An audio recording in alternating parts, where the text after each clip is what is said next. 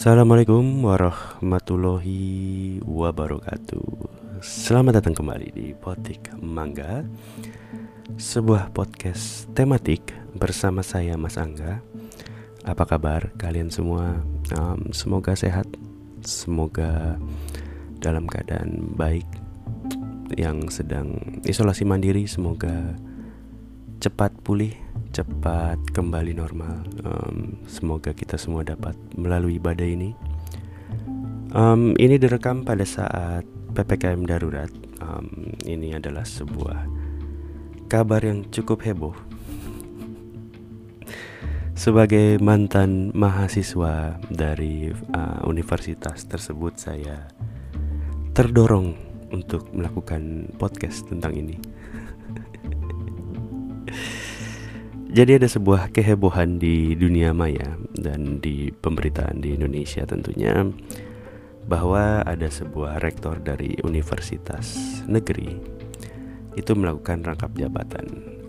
Bapak Ari Kuncoro seorang rektor Universitas Indonesia ternyata uh, beliau juga menjabat sebagai wakil komisaris utama dari Bank Republik Indonesia BRI sebuah BUMN heboh.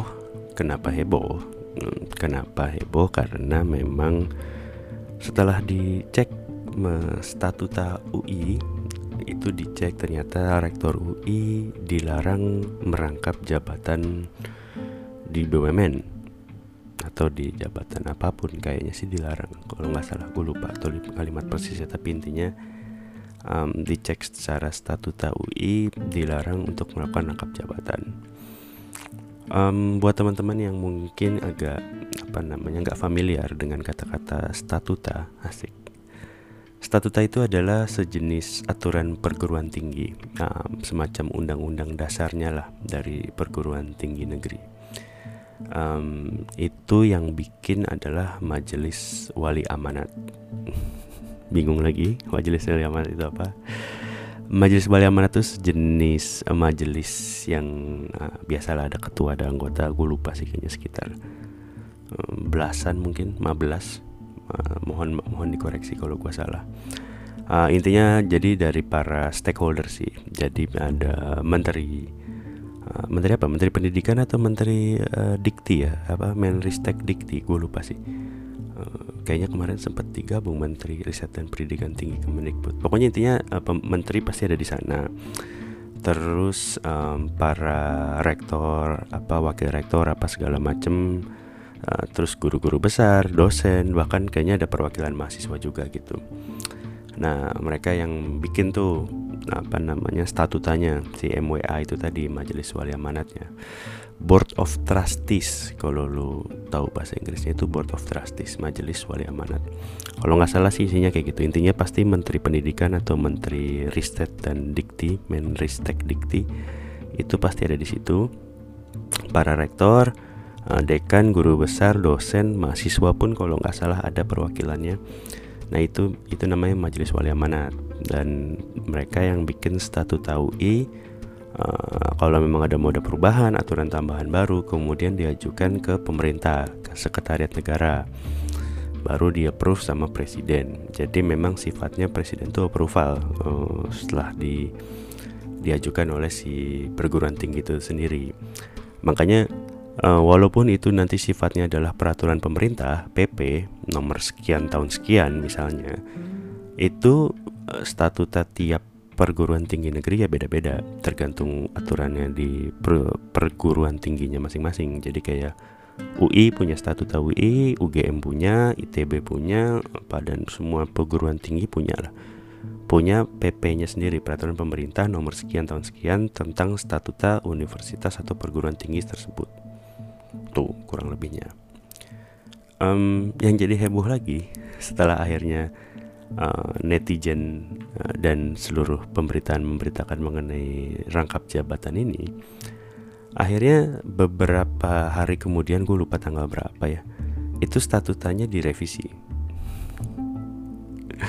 Um, jadi keluar per PP nomor sekian tahun 2021 intinya bahwa seorang rektor tetap tidak boleh rangkap jabatan tapi sebagai direksi di sebuah BUMN ditulis tuh jadi uh, rektor nggak boleh rangkap jabatan sebagai direktur tidak boleh menjabat sebagai direksi di BUMN tapi tidak ada tulisan mengenai komisaris ataupun wakil komisaris atau komisaris utama. Intinya lu nggak boleh jadi direksi tapi boleh jadi komisaris. Artinya memang um, jadinya secara aturan setelah ada revisi dan adanya peraturan pemerintah yang baru ini rektor UI Pak Ari Kuncoro boleh uh, merangkap jadi sebagai rektor UI juga sebagai wakil komisaris utama BRI juga gitu.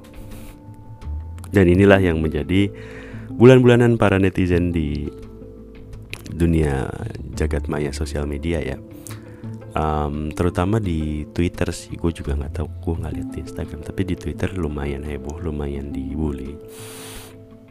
Kalau lo inget dulu kayak ada bercandaan kayak Chuck Norris gitu. Chuck Norris tuh yang aktor yang Amerika Hollywood yang sakti banget kayaknya. Kalau lo inget dulu kan Chuck Norris tuh kayak meme-nya adalah ini salah satunya yang gue inget banget gitu. Ah, Chuck Norris digigit ular ularnya yang mati gitu.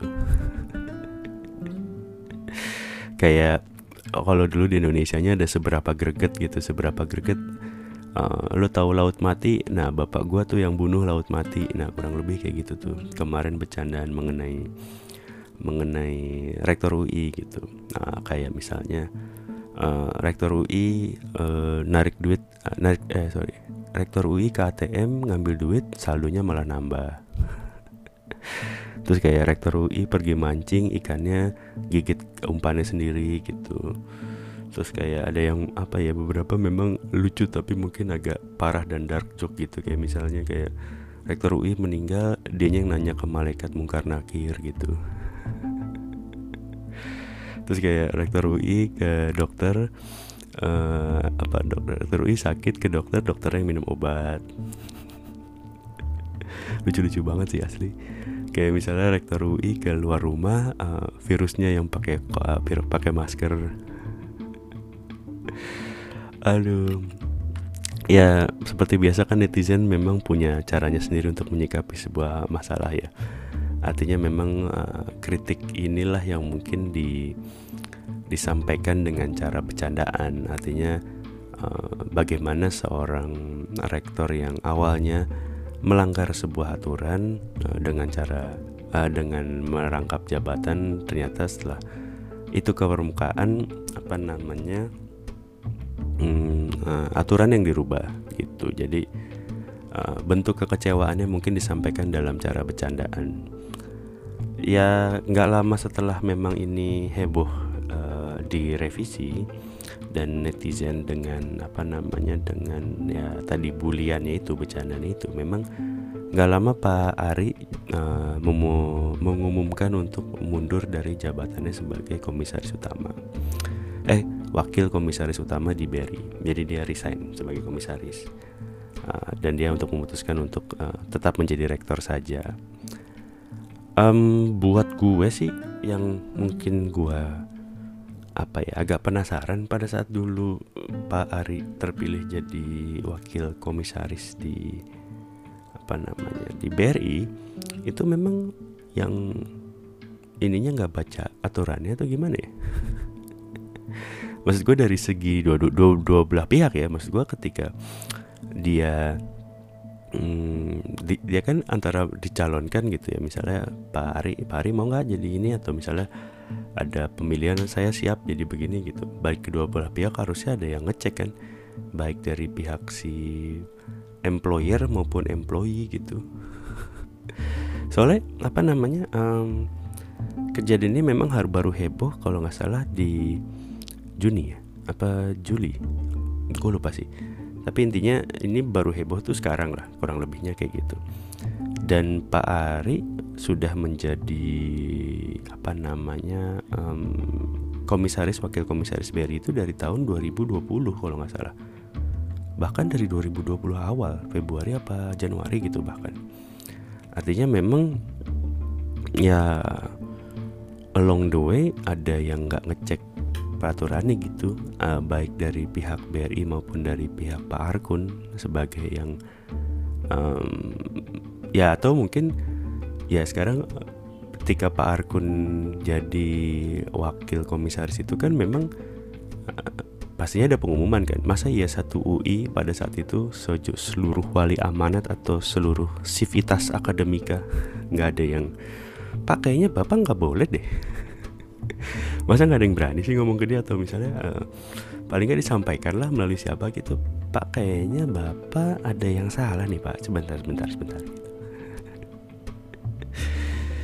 Yang pasti ketika Pak Ari Pak Arkun menjadi uh, rektor UI dan meninggalkan jabatannya di BRI um, konon kabarnya beliau kehilangan pendapatan dari gaji komisaris uh, wakil komisaris di BRI itu sebesar sekitar 400 juta 419 juta yang bilang uh, beliau kehilangan pendapatan sebesar itu. Jadi mulai bulan Agustus kayaknya Pak Ari udah nggak dapat 419 juta lagi nih. Ya gue nggak tahu sih gaji apa namanya gaji rektor itu di angka berapa ya. Waktu itu gue sempet baca um, 50 juta mungkin. Balik lagi ke perguruan tingginya sih. Jadi ya kayak tadi gue bilang ketika statuta tiap perguruan tinggi itu beda-beda ya uh, gaji pun beda-beda gitu. Tapi ya buat gue ya buat gue gue sih nggak masalah ya orang rangkap jabatan buat gue ya. Gimana ya? Um, karena misalnya um, sebagai yang mempekerjakan gitu ya um, selama beres pekerjaannya menurut gue sih ya nggak masalah juga gitu jadi rangkap jabatan gitu. Uh, selama memang dia selama bekerja profesional bisa membagi waktu tidak ada konflik kepentingan seluruh pekerjaannya efektif dan efisien memberikan kontribusi ya gak masalah buat gue gitu. Um, apalagi kalau misalnya kita bicara sebuah kita bicara rangkap jabatan yang dalam satu perusahaan itu banyak banget gitu. Misalnya katakanlah ada temen lo yang baru resign gitu ya pasti lo kayak tolong uh, backup dulu kerjaannya. Ya itu kan namanya rangkap jabatan. Gajinya nggak dirangkap lagi. Ya apalagi kalau misalnya gajinya double ya pastinya kan dia harusnya bekerja sesuai dengan apa ya sesuai dengan uh, gajinya gitu pasti dia nggak mau kehilangan. Karena memang kalau lo lihat dari sisi si pekerja atau si individu yang melakukan rangkap jabatan ya mungkin aja dia lagi ada kebutuhan gitu. Karena memang sekarang kan zaman lagi susah. Maksud gue seorang karyawan atau seorang pekerja yang ngambil side job gitu kan itu namanya rangkap jabatan juga gitu. Banyak yang double job gitu ya ini kan namanya kebutuhan. Siapa tahu misalnya memang ada apa namanya hal-hal yang memang memerlukan pendapatan tambahan.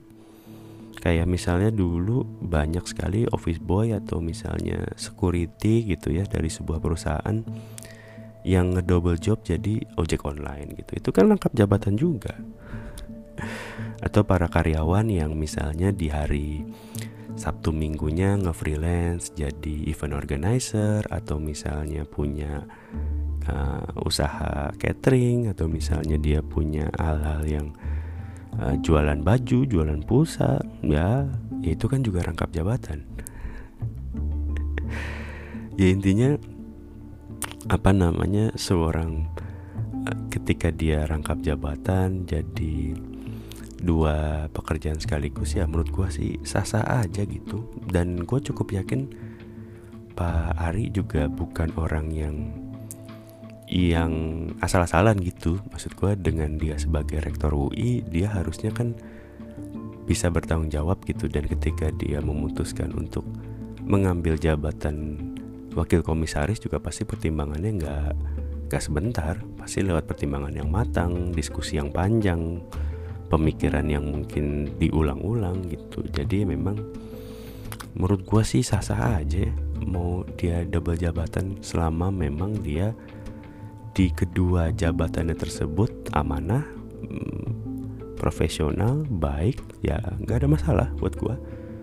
Um, buat gua orang-orang yang bisa rangkap jabatan adalah orang-orang yang sangat langka dan bisa uh, apa namanya menjadi aset sebuah perusahaan atau sebuah bangsa bahkan gitu. Um, banyak orang yang bahkan tidak sanggup atau bahkan tidak baik atau tidak cakap dalam melakukan sebuah pekerjaan. Dan ketika ada orang yang bisa melakukan dua pekerjaan sekaligus dan dua-duanya berhasil dengan baik harusnya sih diapresiasi menurut gua gitu. Ya tapi ya sepertinya sudah sudah selesai urusannya uh, aturannya walaupun sudah dirubah uh, Pak Arkun memang sudah juga resign dari wakil komisaris utama BRI ya kita nggak tahu nantinya ke depannya apakah ada rektor UI lain yang juga menjabat. Karena memang rektor UI juga sama seperti presiden dipilih tiap lima tahun kalau nggak salah. Jadi ya nanti tahun 2024 kita lihat saja BTW tadi gue sempat bilang di awal kan memang gue mantan mahasiswa dari universitas tersebut. Dan Pak Ari ini memang gue pernah menjadi mahasiswanya Dan dia orang baik kok. Kalau nggak salah gue lulus gitu dari mata kuliahnya. Gue lupa kayaknya makroekonomi 2 gitu. Ya walaupun memang lebih sering uh, berkomunikasi dengan istrinya ya uh, Bulana. Waktu itu Bulana masih sebagai sekretaris jurusan kalau nggak salah. Jadi ya yang sering manggil mahasiswa-mahasiswa yang IP-nya bermasalah dan gak lulus ya ya ibu sekretaris jurusan kayaknya. Ya itu aja dari saya kayaknya. Nah, semoga ke depannya uh, lebih baik lagi dengan aturan yang baru ini. Semoga memang ini sebuah aturan yang bisa membuat baik universitas uh, UI maupun uh, BUMN jadi semakin baik untuk Pak Arkun semangat semoga ke depannya jadi lebih baik lagi dalam memimpin UI karena memang sudah tidak uh, tidak rangkap jabatan, tidak double job, jadi mungkin fokusnya sekarang lebih uh, solid di tengah pandemi ini untuk bisa memimpin UI sampai tahun 2024. Ya sudah, itu aja dari gue. Terima kasih udah dengerin, semoga terhibur, semoga bermanfaat. Sampai jumpa di episode lain dari Potik Mangga. Wabillahi taufik walidayah. Wassalamualaikum warahmatullahi wabarakatuh.